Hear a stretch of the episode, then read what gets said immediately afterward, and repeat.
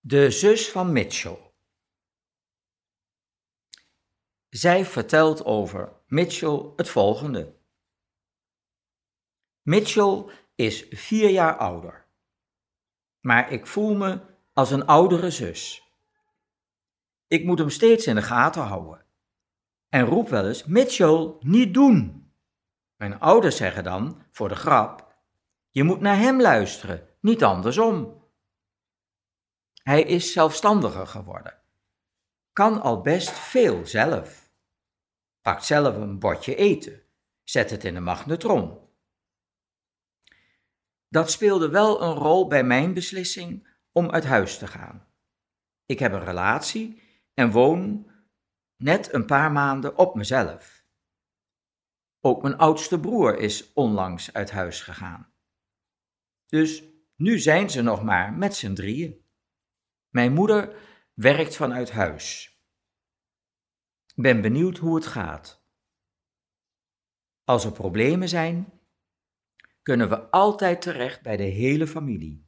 Neven, nichten, ooms, tantes, ook in Suriname.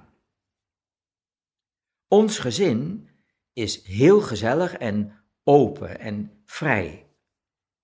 Mijn vader loopt wel eens een hele dag te zingen in een roze badjas.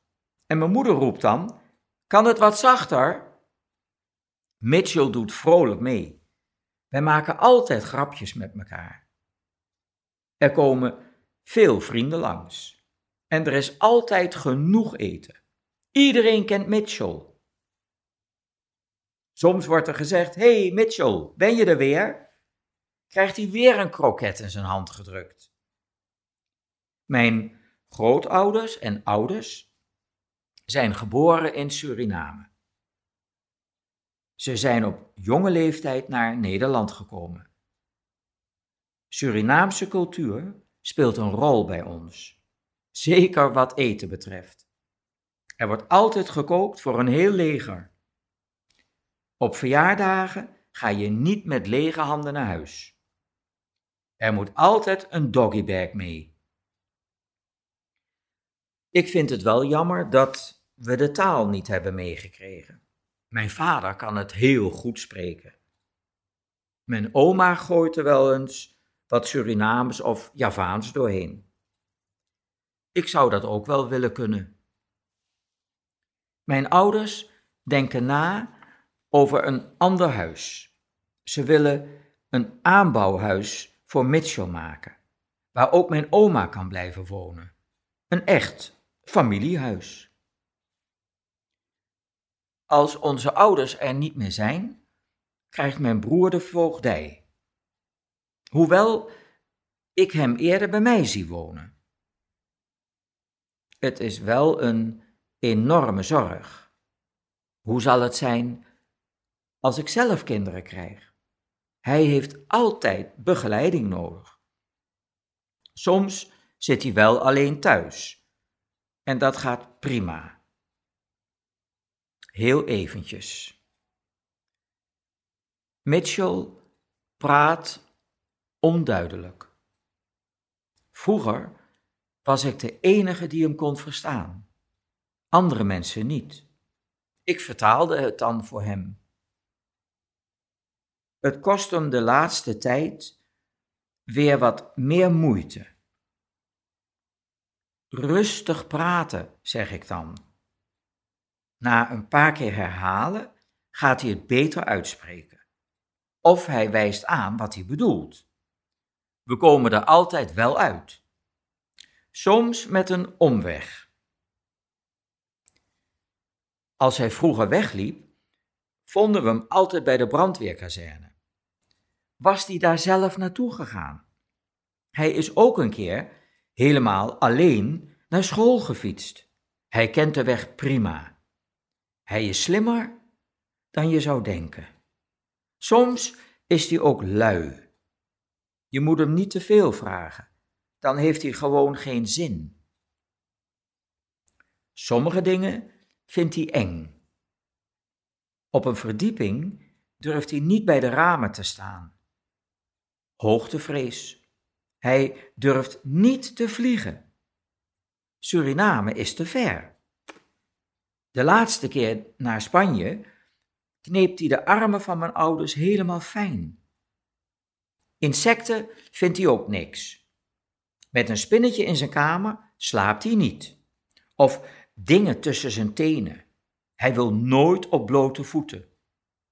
Maar Mitchell is nooit bang voor mensen. Kinderen kunnen hard zijn, maar Mitchell heeft daar geen last van.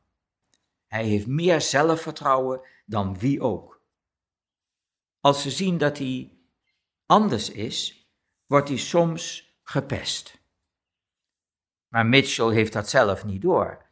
Hij denkt dan dat is spelen. Hij vindt het leuk als kinderen wegrennen en rent er dan achteraan. Het lijkt alsof hij niet doorheeft dat hij anders is. Mitchell houdt van voetballen, vooral de trainingspakken.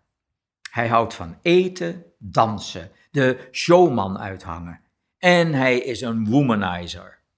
Meisjes staan bij hem op nummer 1.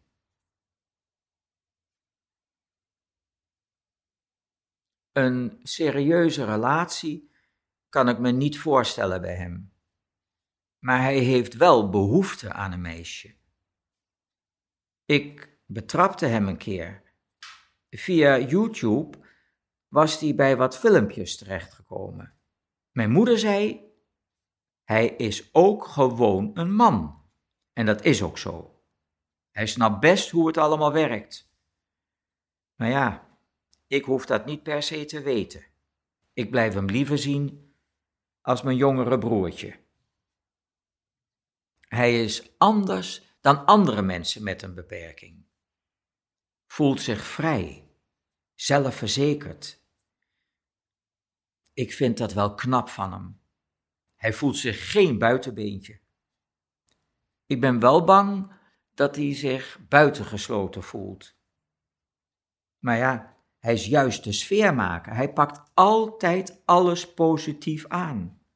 Hij kan urenlang in de spiegel kijken, naar zichzelf. Soms zou ik willen dat ik een beetje was zoals Mitchell. Hij voelt zich nooit minder dan de rest. Heeft hij altijd gehad. Mijn vader houdt ook van zichzelf, staat lang voor de spiegel en grapt dan dat hij er voor zijn leeftijd goed uitziet. Uh, mijn opa trouwens ook. Dat is een vrouwenverslinder. Heeft een veel jongere vrouw. Het zijn haantjes. Nou ja, Mitchell heeft het dus niet van een vreemde.